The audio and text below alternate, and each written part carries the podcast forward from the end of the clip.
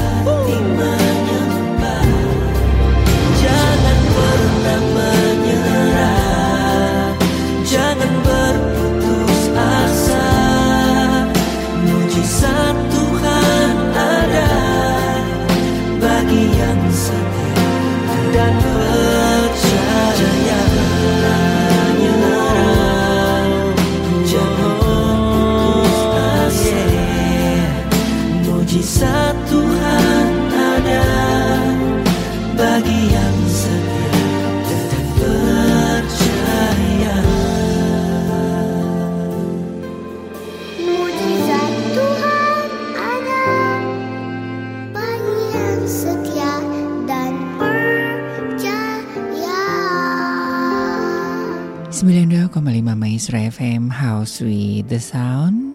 Sobat Maestro ada kejadian yang membuat hati kita terasa sesak Yang mengingatnya membuat kita menjadi terisak. Ada kejadian yang mana hati kita seolah teriris Dan membuat kita menangis. Tuhan tidak pernah salah merencanakan apa pun. Selalu ada kebaikan di sana meskipun terkadang harus ada luka dan air mata. Sedih dan bahagia akan selalu ada. Tawa dan air mata pasti senantiasa bersama. Tak ada sedih selamanya, pun tak ada sengsara yang tak ada habisnya.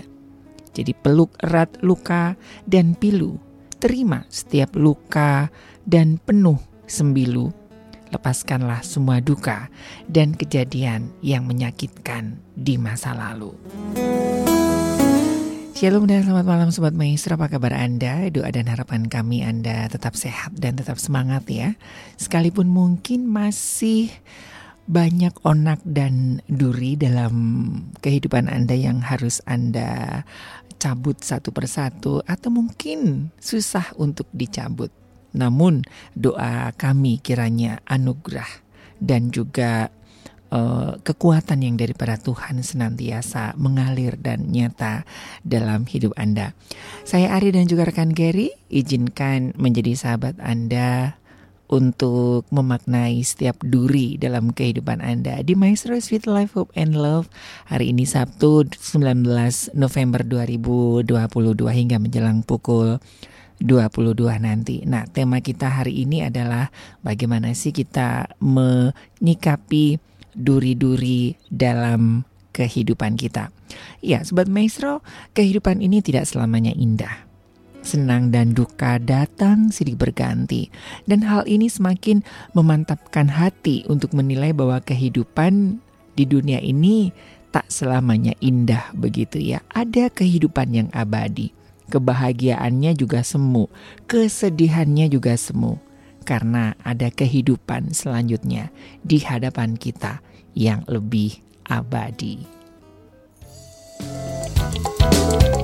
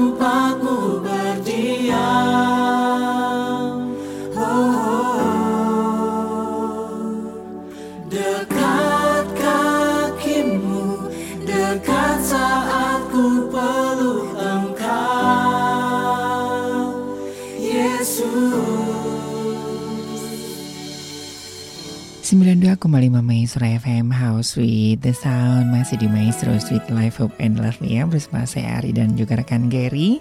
Masih dari kawasan Jalan Kaca Piring 12 Bandung Hingga menjelang pukul 22 nanti ya.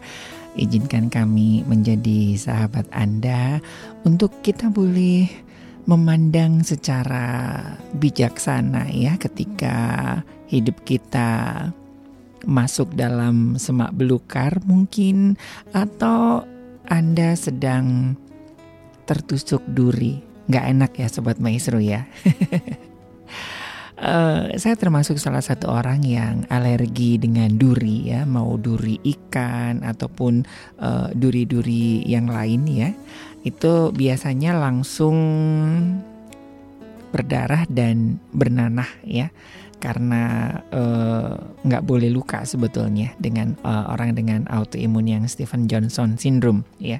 Jadi biasanya agak lama untuk sembuhnya begitu. Nah, siapa pun kita ya, ketika kita apa ya kalau orang Jawa bilang itu ketelusupan gitu ya. Jadi ada satu apa sih namanya satu benda asing yang masuk ke dalam uh, kulit kita ya entah itu bambu kecil gitu ya ketelusupan ya kalau bahasa Sunda itu apa namanya ya. Itu kayaknya kan uh, seluruh tubuh kita itu kan bereaksi ya. Sampai demam sampai aduh semuanya nggak enak ngilu gitu kan. Bahkan sampai ada yang terjadi infeksi ya.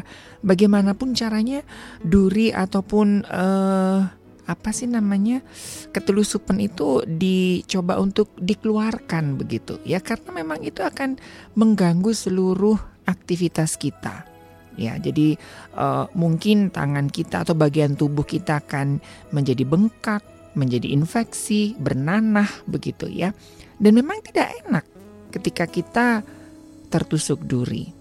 Nah tapi ya ada hal-hal dalam kehidupan ini yang kadang-kadang kita tidak bisa kendalikan ya. Uh, ada beberapa teman saya juga yang sampai trauma dengan ikan ya. Karena uh, dia ada beberapa ada waktu beberapa kali dia ke hmm, duri ikan nyangkut di tenggorokan. Itu kan nggak enak ya sobat maestro ya. Gitu. Jadi akhirnya dia ikan apa pun dia nggak mau ya. Ikan apa pun dia nggak mau. Sekalipun ikan itu sudah dibuat bakso, sudah digiling, ya dia tetap aja nggak mau karena trauma. Betapa sakitnya tersangkut uh, duri yang tersangkut di tenggorokan. Itu sangat mengganggu, ya.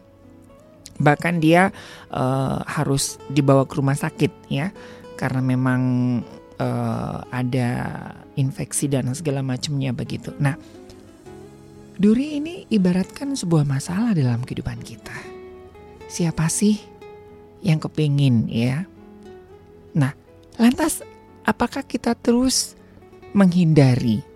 Ya, kita nggak bisa terus menghindar ya Sobat Maestro. Beberapa waktu yang lalu saya sempat sharing ya mengenai uh, duri ini ya. Duri dalam uh, ikan. Artinya duri itu bukan ikan dan ikan itu bukan duri. Memang dalam ikan ada durinya. Lantas kita nggak mau makan ikan ya karena duri. Duri itu kan sesuatu yang kecil sebetulnya ya. Kalau Anda bandingkan Sobat Maestro, Anda kumpulkan ikan bandeng yang terkenal dengan banyak durinya kalau dikumpulkan itu nggak sebanding dengan berat daging ikan bandeng ya. Apalagi sekarang sudah banyak alat, tinggal di presto aja. Duri tulang lunak ya. Durina durinya menjadi lunak ya. Ada banyak cara sebetulnya. Nah, lantas kita nggak mau makan ikan, ya. Kita benci semua ikan. Nggak juga kan? Dalam kehidupan kita pasti juga ada masalah. Dalam keluarga, hubungan suami istri, orang tua dan anak. Bahkan dalam gereja pun pasti ada duri. Terus apakah kita nggak mau ke, ke, ke, ke apa namanya ke gereja? Orang tua dengan anak pasti juga ada konflik, ada duri. Lantas apakah kita nggak mau hidup dalam sebuah keluarga? Dalam hubungan pacaran misalnya, ada duri. Apakah terus kita nggak mau pacaran, nggak mau menikah? Orang mempunyai anak juga ada duri. Lantas apakah apakah kita terus nggak mau punya anak? Ya, ada beberapa teman, bahkan juga ada beberapa public figure yang sampai dia mendeklarasikan kalau Anda mengikuti uh, infotainment ya. Dan ini benih anak Tuhan sobat maestro.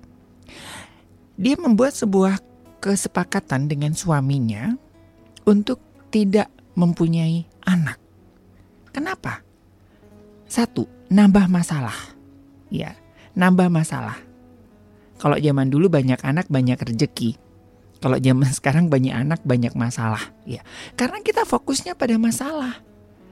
Tidak fokus pada kebahagiaan dan anugerah yang dihadirkan lewat anak. Nah, sehingga pasangan ini memutuskan untuk kami tidak ingin punya anak. Karena anak hanya menimbulkan masalah. Repot ngurusnya karena sama-sama sibuk. Dan dia mengatakan bahwa anak ini ya membawa tendensi kepada perceraian. Jadi daripada saya cerai lebih baik saya tidak mau punya anak. Nah, ini sesuatu cara pandang yang hanya melihat duri yang seupil, yang kecil dibandingkan dengan kebahagiaan anugerah Tuhan yang dihadirkan lewat anak. Ada juga sahabat saya yang tidak mau menikah. Ya. Enggak ah, enggak mau menikah. Ribet. Susah. Ya, karena memang dia trauma dengan saudaranya, dengan orang tuanya, dengan pengalaman-pengalaman divorce. Enggak mau ah, menikah hanya nambah masalah, ribet, enak sendiri. Ya. Saya tidak menyalahkan uh, hal seperti ini, tetapi ketika Anda mengambil sebuah keputusan hanya karena Anda tidak ingin menghadapi sebuah masalah, sayang. Ya. Sebetulnya kita bisa menikmati anugerah dan berkat besar dalam sebuah pernikahan hanya gara-gara luka yang kita lihat dari orang lain itu kita terapkan dalam diri kita. Kecuali kalau misalkan Anda sudah mendapatkan satu peneguhan, ya seperti saya. Saya sudah dapat peneguhan bahwa saya tidak akan menikah. Bukan karena saya nggak ingin menikah, bukan karena saya trauma dengan uh, orang lain atau dengan uh, masa lalu begitu ya. Tapi ya sudah, udah beberapa kali mencoba, oh kok gagal maning, gagal maning begitu ya. Nah setelah bergumul dengan Tuhan, ya sudah, saya dapat anugerah, saya dapat karunia untuk hidup sendiri. Dan hidup, hidup sendiri itu ya kalau kita bilang ada masalah ya banyak sekali masalahnya. Tapi kan uh, ada banyak hal yang bisa kita nikmati anugerah di dalam kesendirian itu. Nah, ada juga ya, ada juga orang-orang yang takut sendiri gitu. Ya, makanya dia gonta-ganti pacar sono sini sono sini.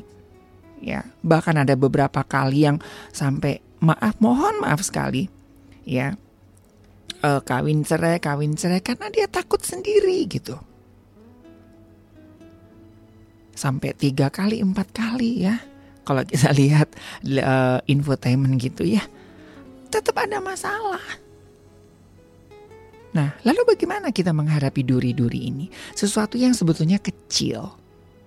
Ketika kita hanya berfokus pada duri yang kecil, kita tidak akan bisa melihat anugerah dan berkat yang Tuhan sediakan yang begitu besar. Saya nanti ada sebuah cerita dari sebuah keluarga yang hampir bercerai. Tetap di Maestro Sweet Life Hope and Love.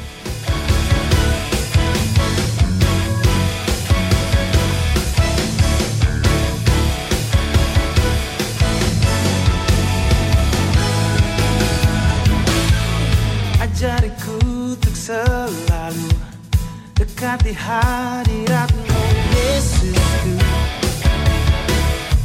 Ingin ku jauh dan bawaku untuk selalu berada di kaki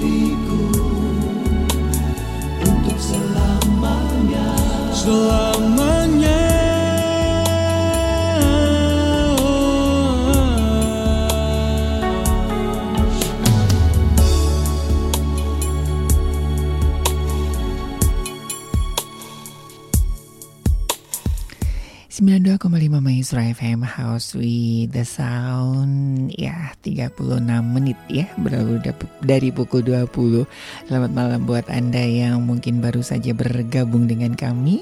Semoga kidung-kidung pujian yang kami hadirkan bisa memberikan satu kesegaran tersendiri di tengah-tengah ruang dengar Anda bersama dengan keluarga, meneduhkan diri, me, apa namanya ya, menata hati dengan gejolak-gejolak dan riak-riak kehidupan sehingga esok hari kita bisa kembali masuk uh, di dalam sahabat Tuhan dan menikmati ya memiliki satu kerinduan dan kedekatan dengan Tuhan sekalipun hidup masih penuh dengan onak dan duri ya. Nah, saya ada satu tulisan dari seorang sahabat yang uh, bertutur ya bercerita tentang bagaimana menghadapi duri dalam kehidupan uh, rumah tangganya.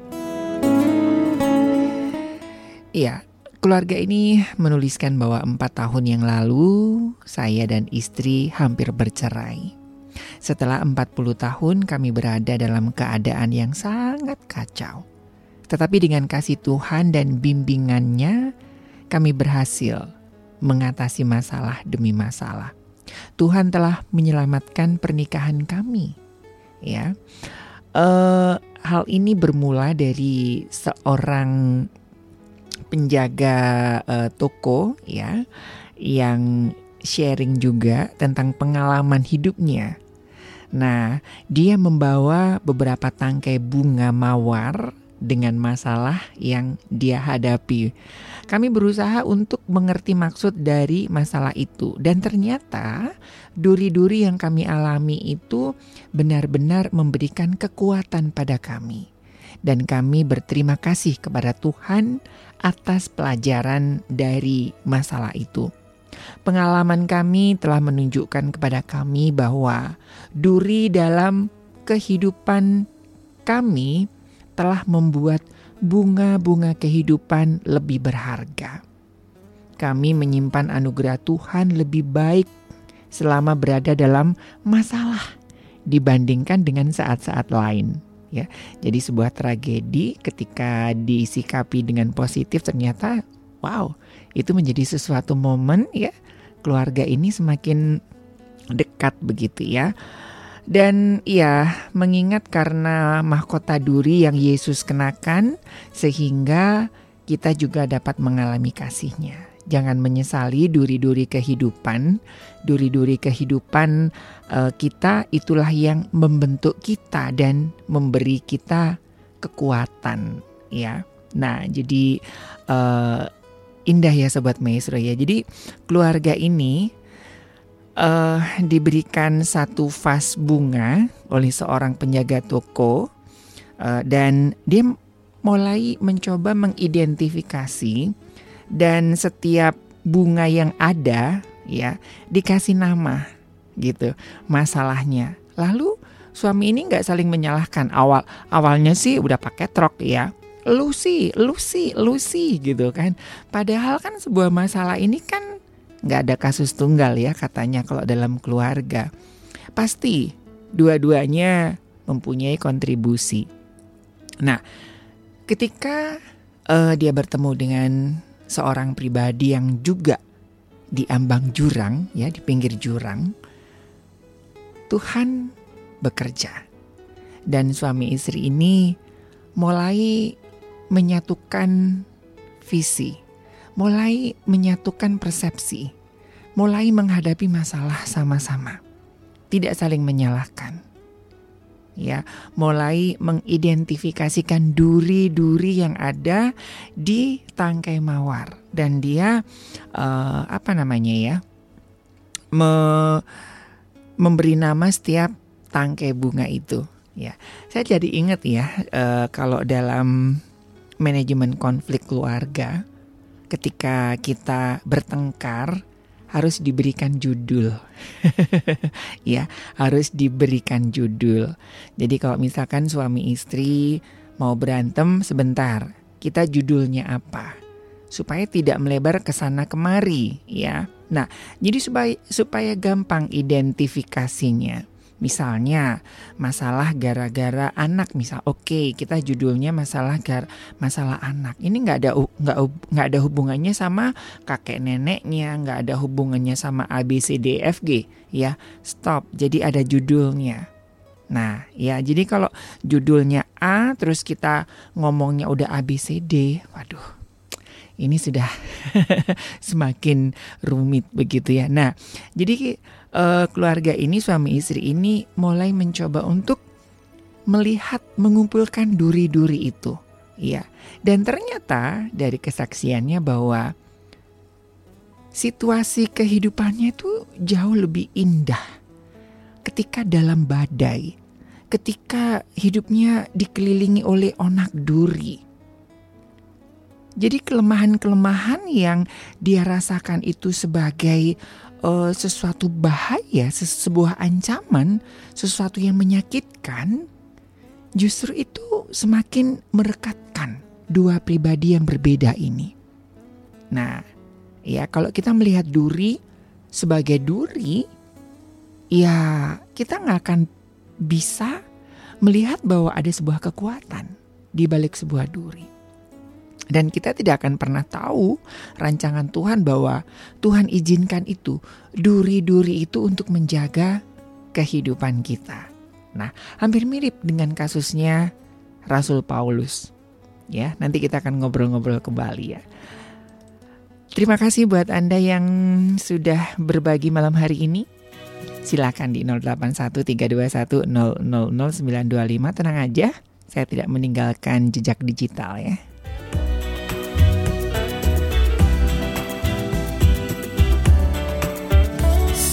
Kau ada dalam hatiku. Tak ingin ku lepas darimu. Kau mengisi hari-hariku Dengan cinta dan setiamu. Sejak kau memiliki hidupku Tak mau ku jauh darimu.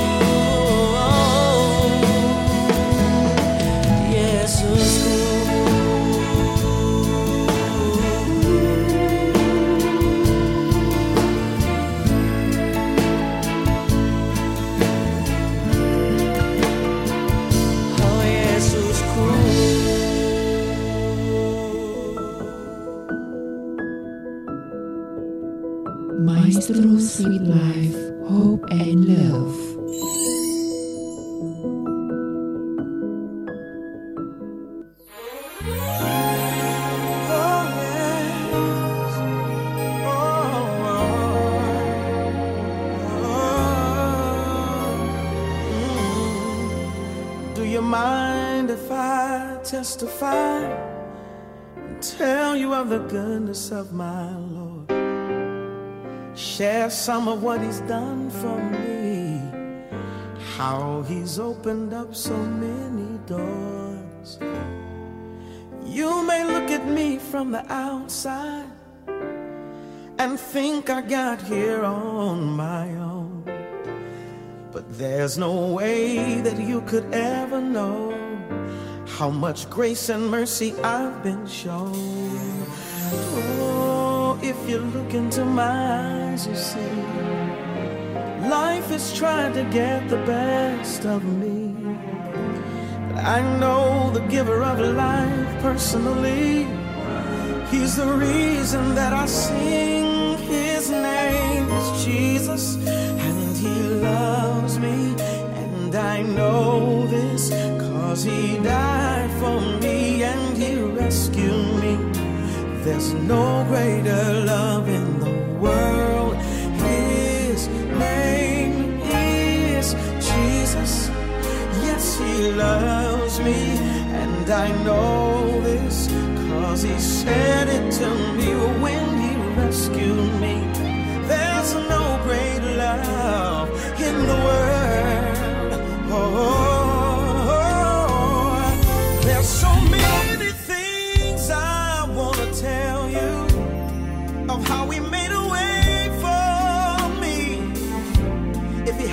He me through the mistakes that I made, I just don't know where I would be. Oh, he showed me so much favor,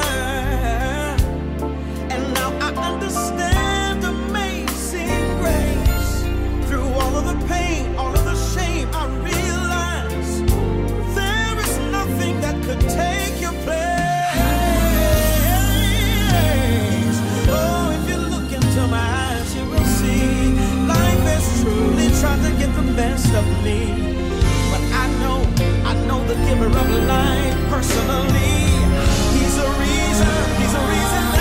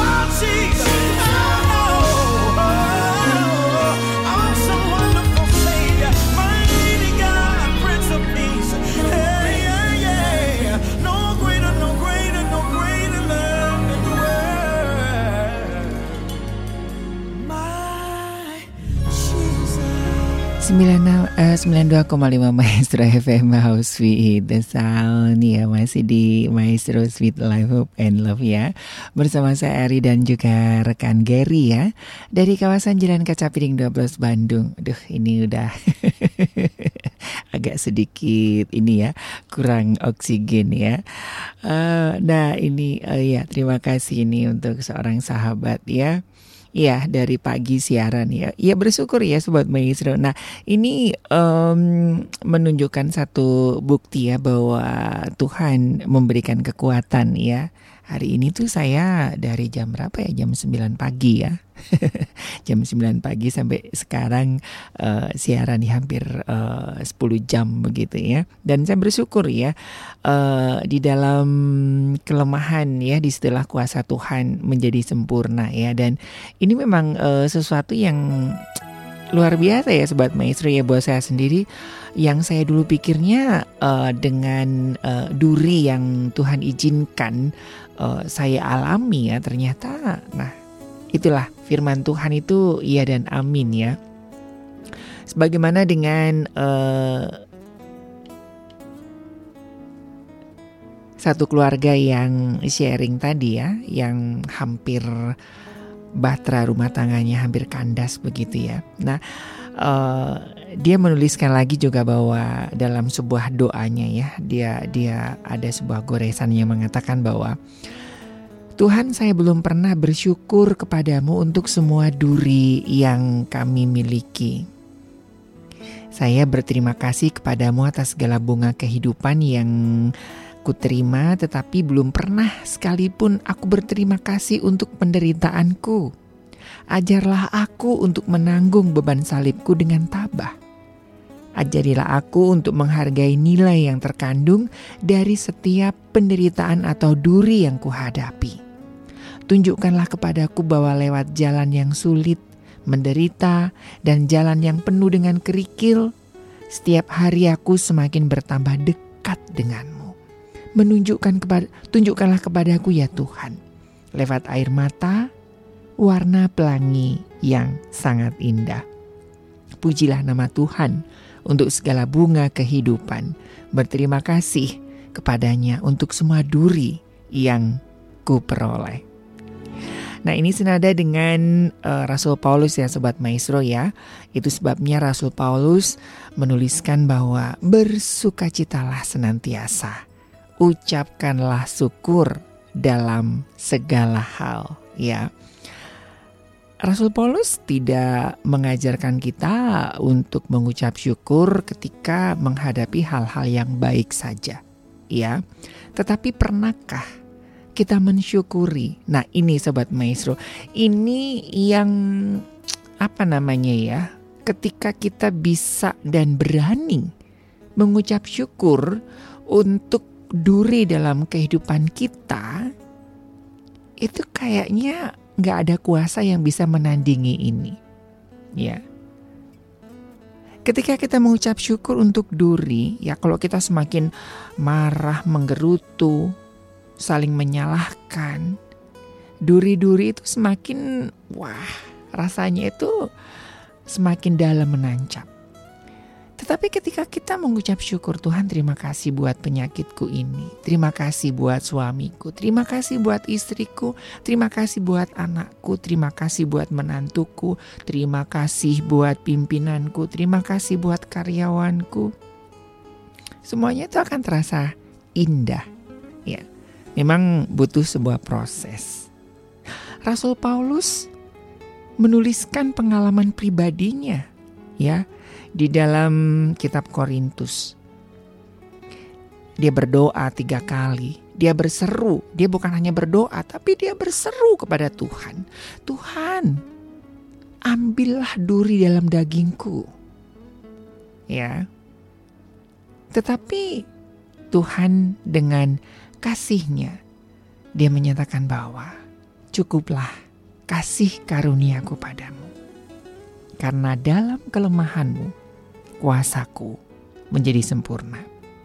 Seorang rasul besar, rasul besar seperti Rasul Paulus juga perlu diingatkan.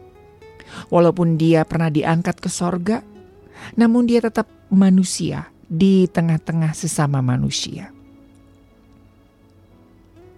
Duri bagiku yang dialami oleh Rasul Paulus adalah lambang, ya. Dan ini memang tidak harus uh, mutlak diartikan sebagai eh, hal-hal uh, yang rohani dan segala macamnya. Nah, dalam kehidupan kita tidak selalu ada jalan yang lurus, ya. Tidak selalu dan Tuhan tidak pernah menjanjikan itu. Jadi berhati-hati kalau Anda mendengarkan sebuah pengajaran ya. Di dalam kekristenan semuanya akan beres. Nah, ini yang sering kali membuat umat percaya itu ketika menghadapi sebuah realita, kok nggak sama sih seperti yang aku dengarkan di khotbah?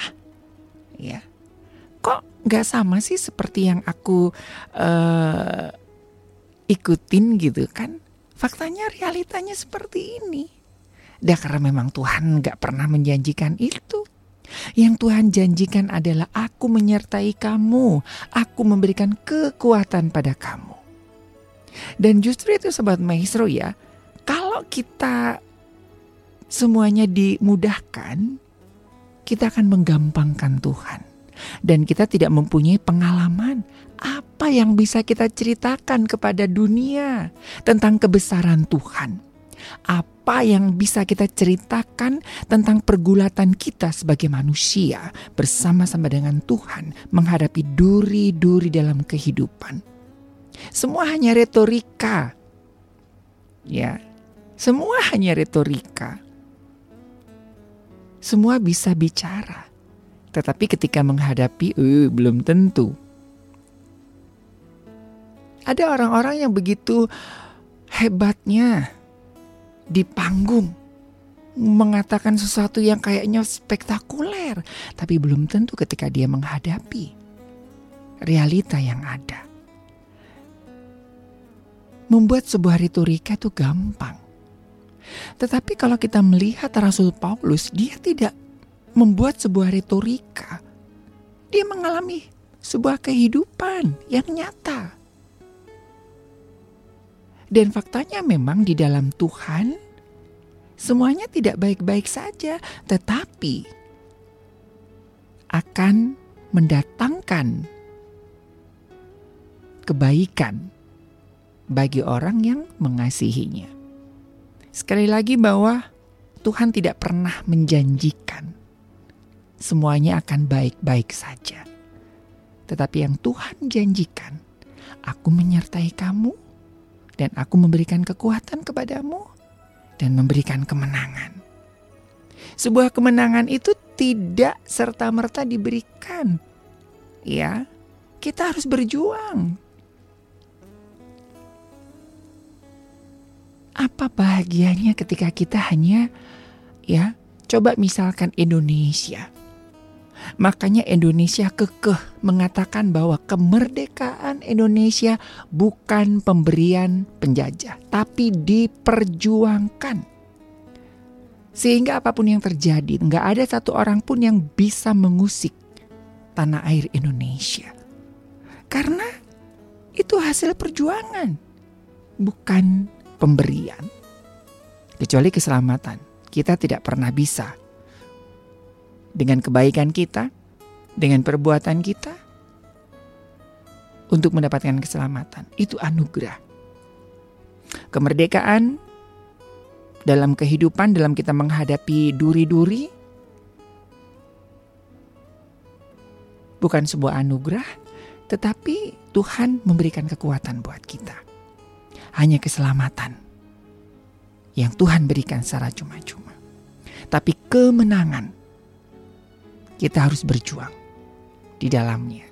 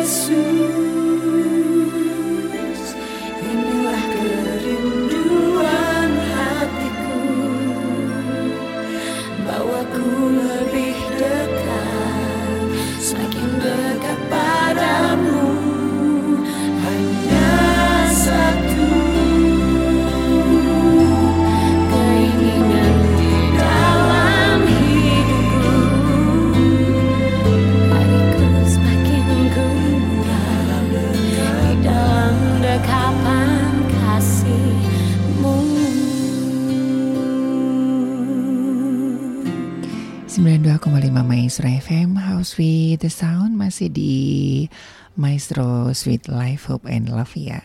Dan sobat Maestro, duri dalam daging dalam sebuah frasa di Perjanjian Baru yang dipakai untuk uh, menyebutkan sebuah kelemahan kronis, gangguan, atau ketegangan dalam kehidupan seseorang yang dipakai oleh Rasul Paulus dalam 2 Korintus 12 ya ayat 7 sampai dengan ayat yang ke-9 ya.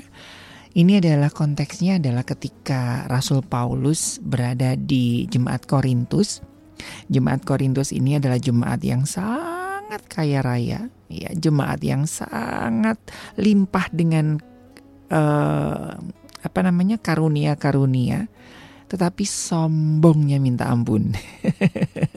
ya, tidak ada jemaat yang paling sombong ya selain Korintus karena kaya, pintar, banyak karunia-karunia. Ya bahkan kalau kita melihat karunia-karunia roh itu kan adanya di jemaat Korintus. Nah, ketika Rasul Paulus melayani di jemaat Korintus itu dia tuh diremehkan, direndahkan. Lu siapa? Gitu ya.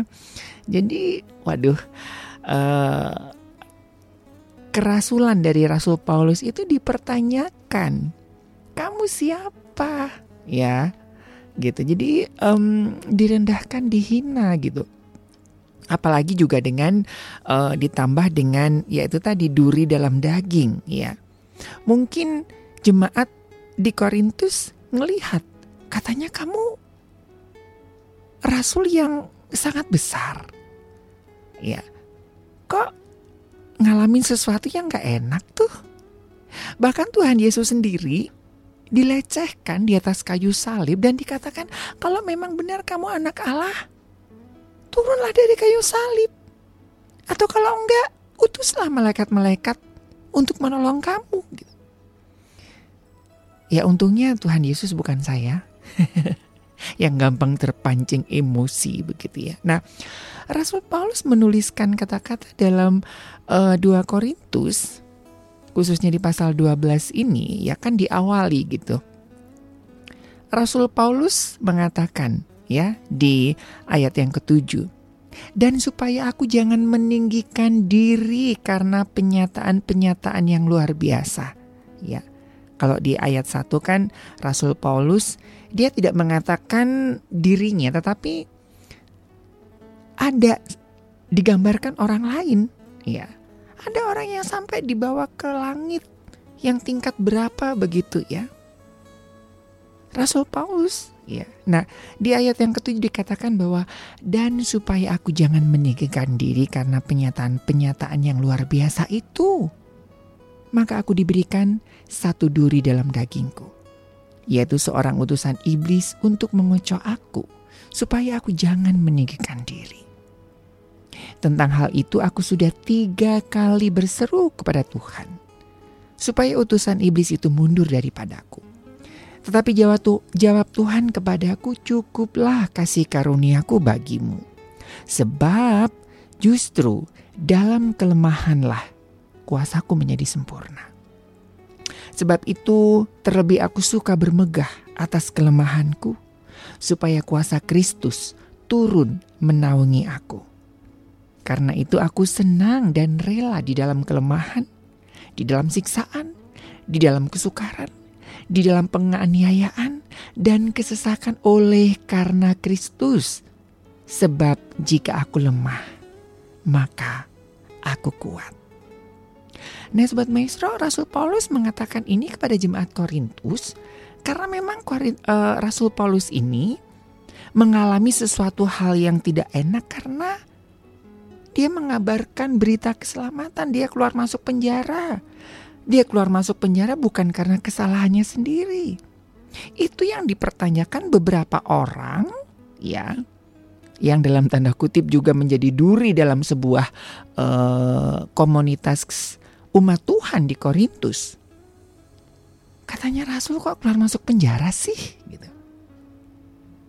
Katanya Rasul hebat, tapi kok nggak bisa mengobati dirinya sendiri, dan segala macamnya. Dan hal-hal buruk terjadi. Nah, tetapi Rasul Paulus penuh dengan hikmat. Dia bersyukur. Ya. Justru di dalam kelemahankulah kuasa Tuhan menjadi sempurna. Sebab jika aku lemah, maka aku kuat. Saya jadi ingat sebuah cerita ya Sobat Maisra. Ada seorang sahabat kami yang dia memang terlahir dari keluarga yang sangat kaya raya. Nah, hatinya sangat uh, dia suka melayani dan dia seneng gitu ya untuk visitasi, untuk kunjungan. Suatu ketika dia pergi, ya, eh, biasa ya di tempat kami eh, melayani itu dibagi misalnya tim ini mengunjungi ini ini ini ini ini. Nah, satu kali kami dengan beberapa orang mengunjungi salah satu jemaat. Terus teman kami ini ngomong, udah bu, sabar aja, tenang ya, Tuhan gini gini gini gini gitu. Nah, lalu jemaat ini bilang, Pak, Bapak enak ngomong kayak begitu. Gak pernah ngerasain jadi orang miskin. Gak pernah ngerasain gimana caranya nyut-nyutannya ini anak empat ya mesti bayar sekolah. Bapak gak pernah ngalamin ya uh, suami gak benar. Bapak gak pernah ngalami anak-anak yang terlibat narkoba ya dan macam-macam begitu. Dia cuma diem. Iya ya gitu ya. Nah Sobat Maestro, kadang-kadang kita nggak hanya sebuah retorika gitu. Nah makanya ketika tokoh-tokoh dalam Alkitab,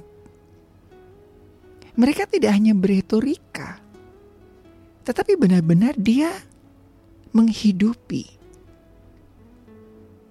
Ada begitu banyak teladan di dalam Alkitab ketika dia mengatakan harus bersyukur, bersabar, mereka juga mengalami. Ya, bahkan Yesus sendiri Rasul Paulus juga mengatakan bahwa aku belum sampai seperti Kristus. Sampai apa? mencucurkan darah dan uh, menyerahkan nyawanya. Ya sekalipun akhirnya Rasul Paulus menjadi martir gitu. Tetapi apa yang dikatakan itu menjadi semakin kuat. Tidak hanya sekedar retorika. Nah, sobat maestro, saya banyak teman-teman yang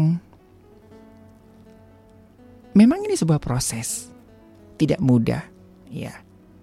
Saya sangat paham, sangat paham betul. Ketika kita tertusuk duri, reaksi kita marah, panik, dan pengen cepat-cepat membuang duri itu dari tubuh kita.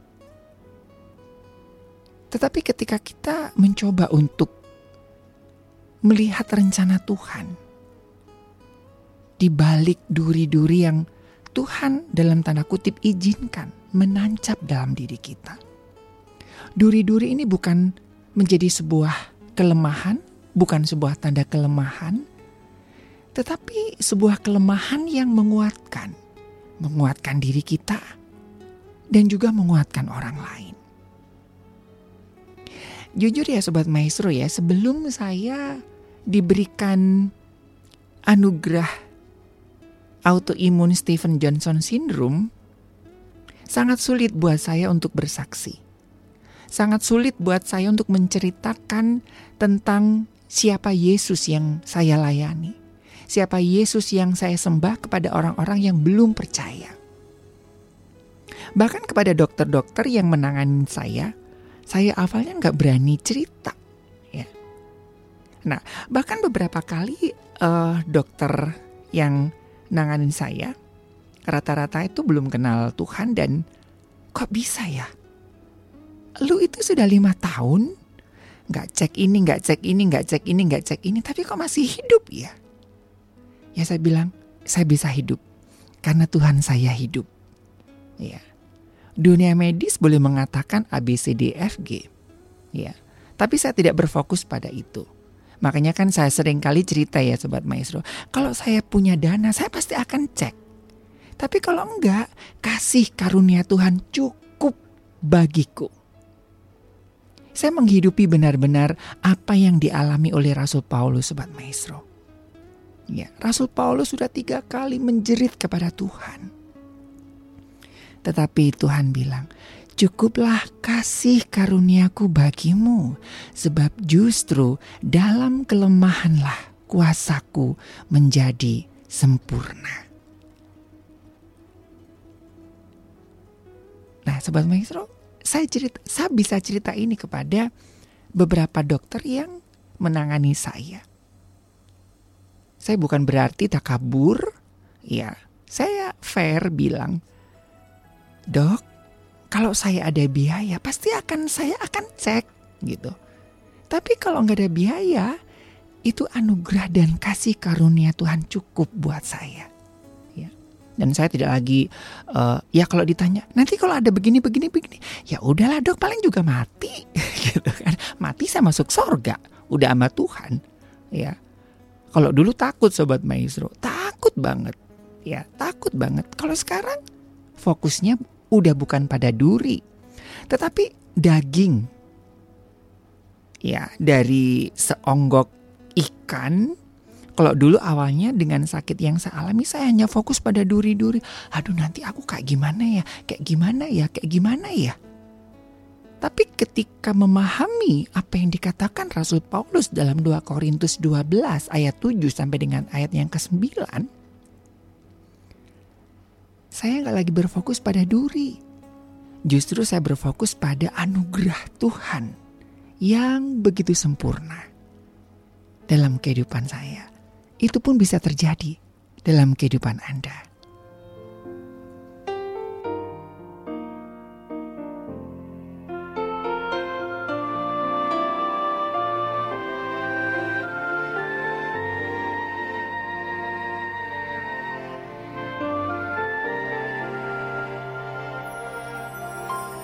Saat ku dambakan ketenangan di hati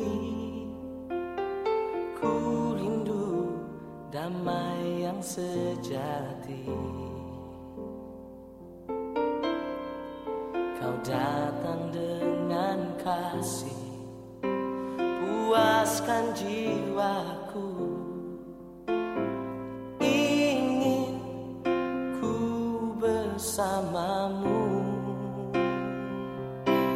Sebab hanya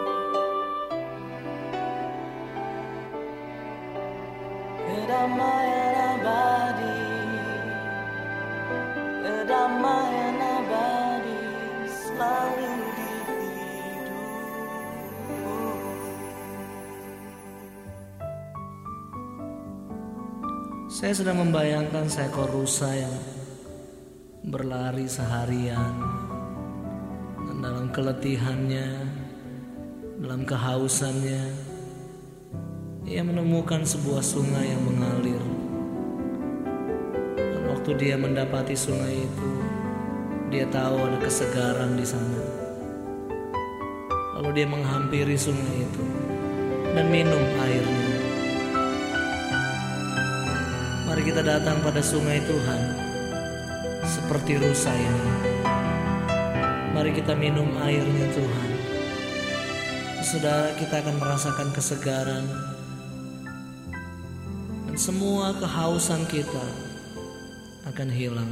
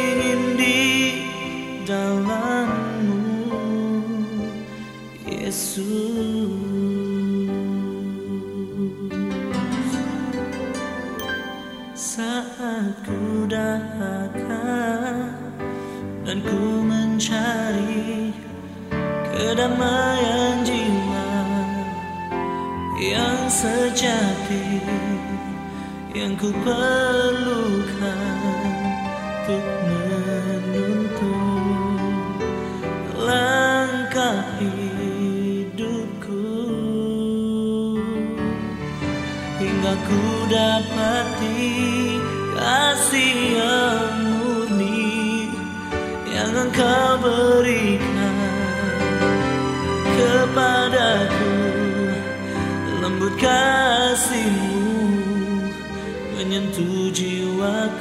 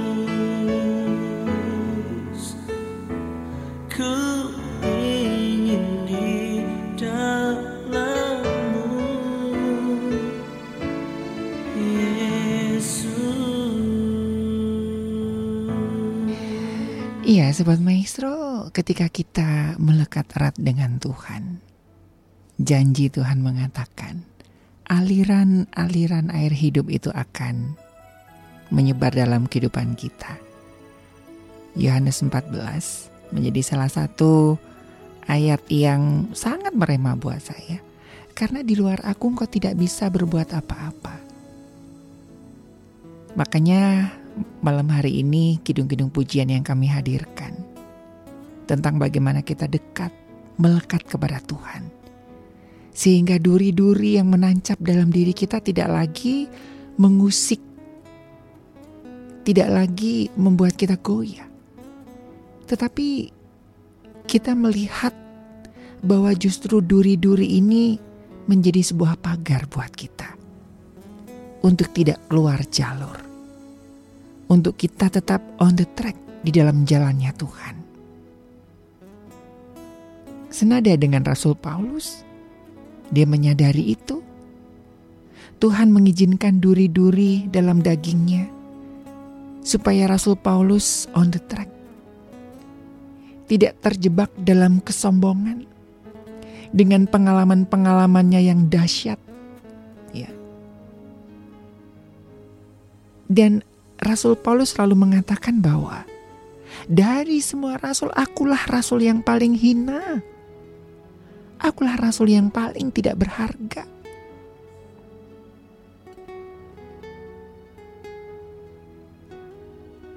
Sungguh luar biasa. Ya.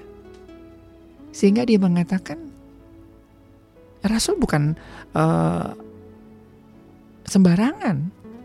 Dia orang yang cukup berpendidikan, dia bisa membanggakan itu. Saya rasa belum ada satu orang pun yang seperti Rasul Paulus ya. Yang Tuhan bawa ke sorga. Dia punya pengalaman yang sangat spektakuler. Tetapi dia tidak pernah sedikit pun membanggakan Sekalipun kalau kita melihat ya, hampir semua jemaat yang ada di perjanjian baru hasil rintisan dari Rasul Paulus.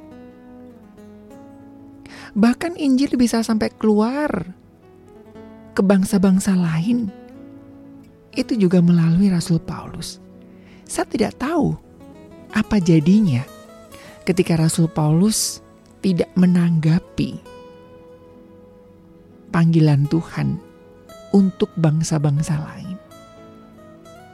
Itu kan kalau kita baca dalam kitab kisah Rasul sampai terjadi debat, sampai terjadi uh, apa namanya diskusi, ya sampai ada sidang di Yerusalem. Karena mereka mengatakan bahwa keselamatan ini hanya untuk orang-orang Israel, hanya untuk orang-orang Yahudi gak boleh dibawa ke bangsa lain.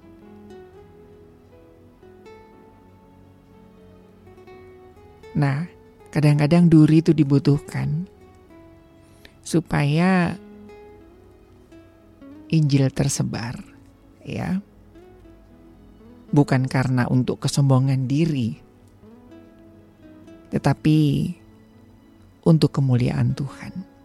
Dan itu yang dialami oleh Rasul Paulus. Sehingga dalam setiap surat yang dia tulis, dalam setiap kata-kata yang dia sampaikan, sungguh sangat luar biasa. Bukan hanya sekedar retorika, tapi karena sebuah kedekatan dengan Tuhan. Nah untuk sahabat-sahabat saya yang hari-hari ini sedang dalam sebuah masalah yang mungkin tidak mudah. Rasanya nggak enak ke Ari, kena duri. Iya saya tahu. Saya paham betul. Ya. Saya paham betul. Saya bahkan ada orang eh, orang-orang yang mengatakan kamu teh katanya sakit tapi kok kayak begitu ya terus ngapain? Gitu. Har harus koar-koar gitu saya sakit. Ya dan dan itulah. Justru itu sebagai jalan buat saya untuk menceritakan anugerah dan kasih karunia Tuhan. Kalau saya masih bisa hidup sampai sekarang itu karena anugerah Tuhan. Ya.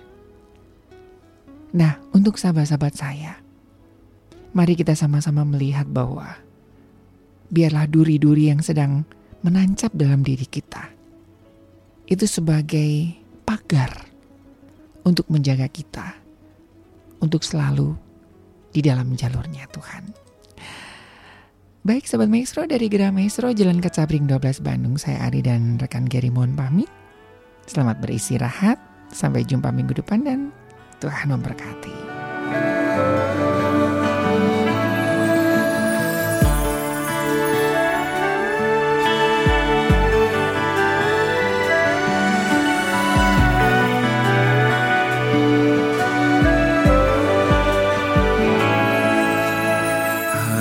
dekatmu Tenanglah jiwaku.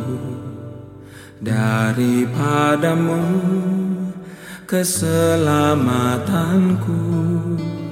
Kau gunung batu Dan perlindunganku.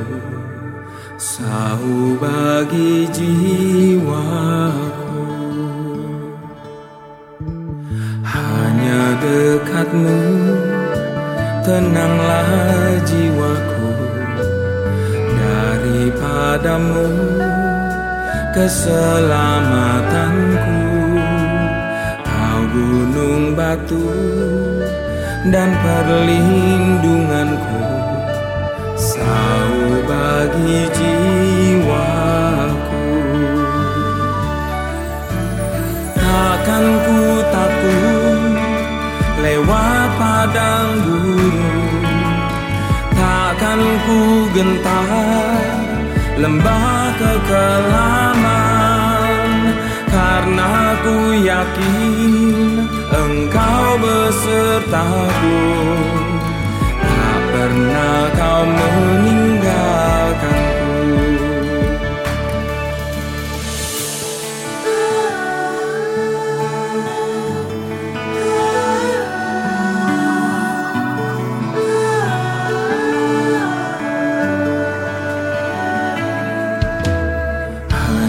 dekatmu Tenanglah jiwaku. Daripadamu Keselamatanku. Kau gunung batu Dan perlindunganku. Sau bagi jiwaku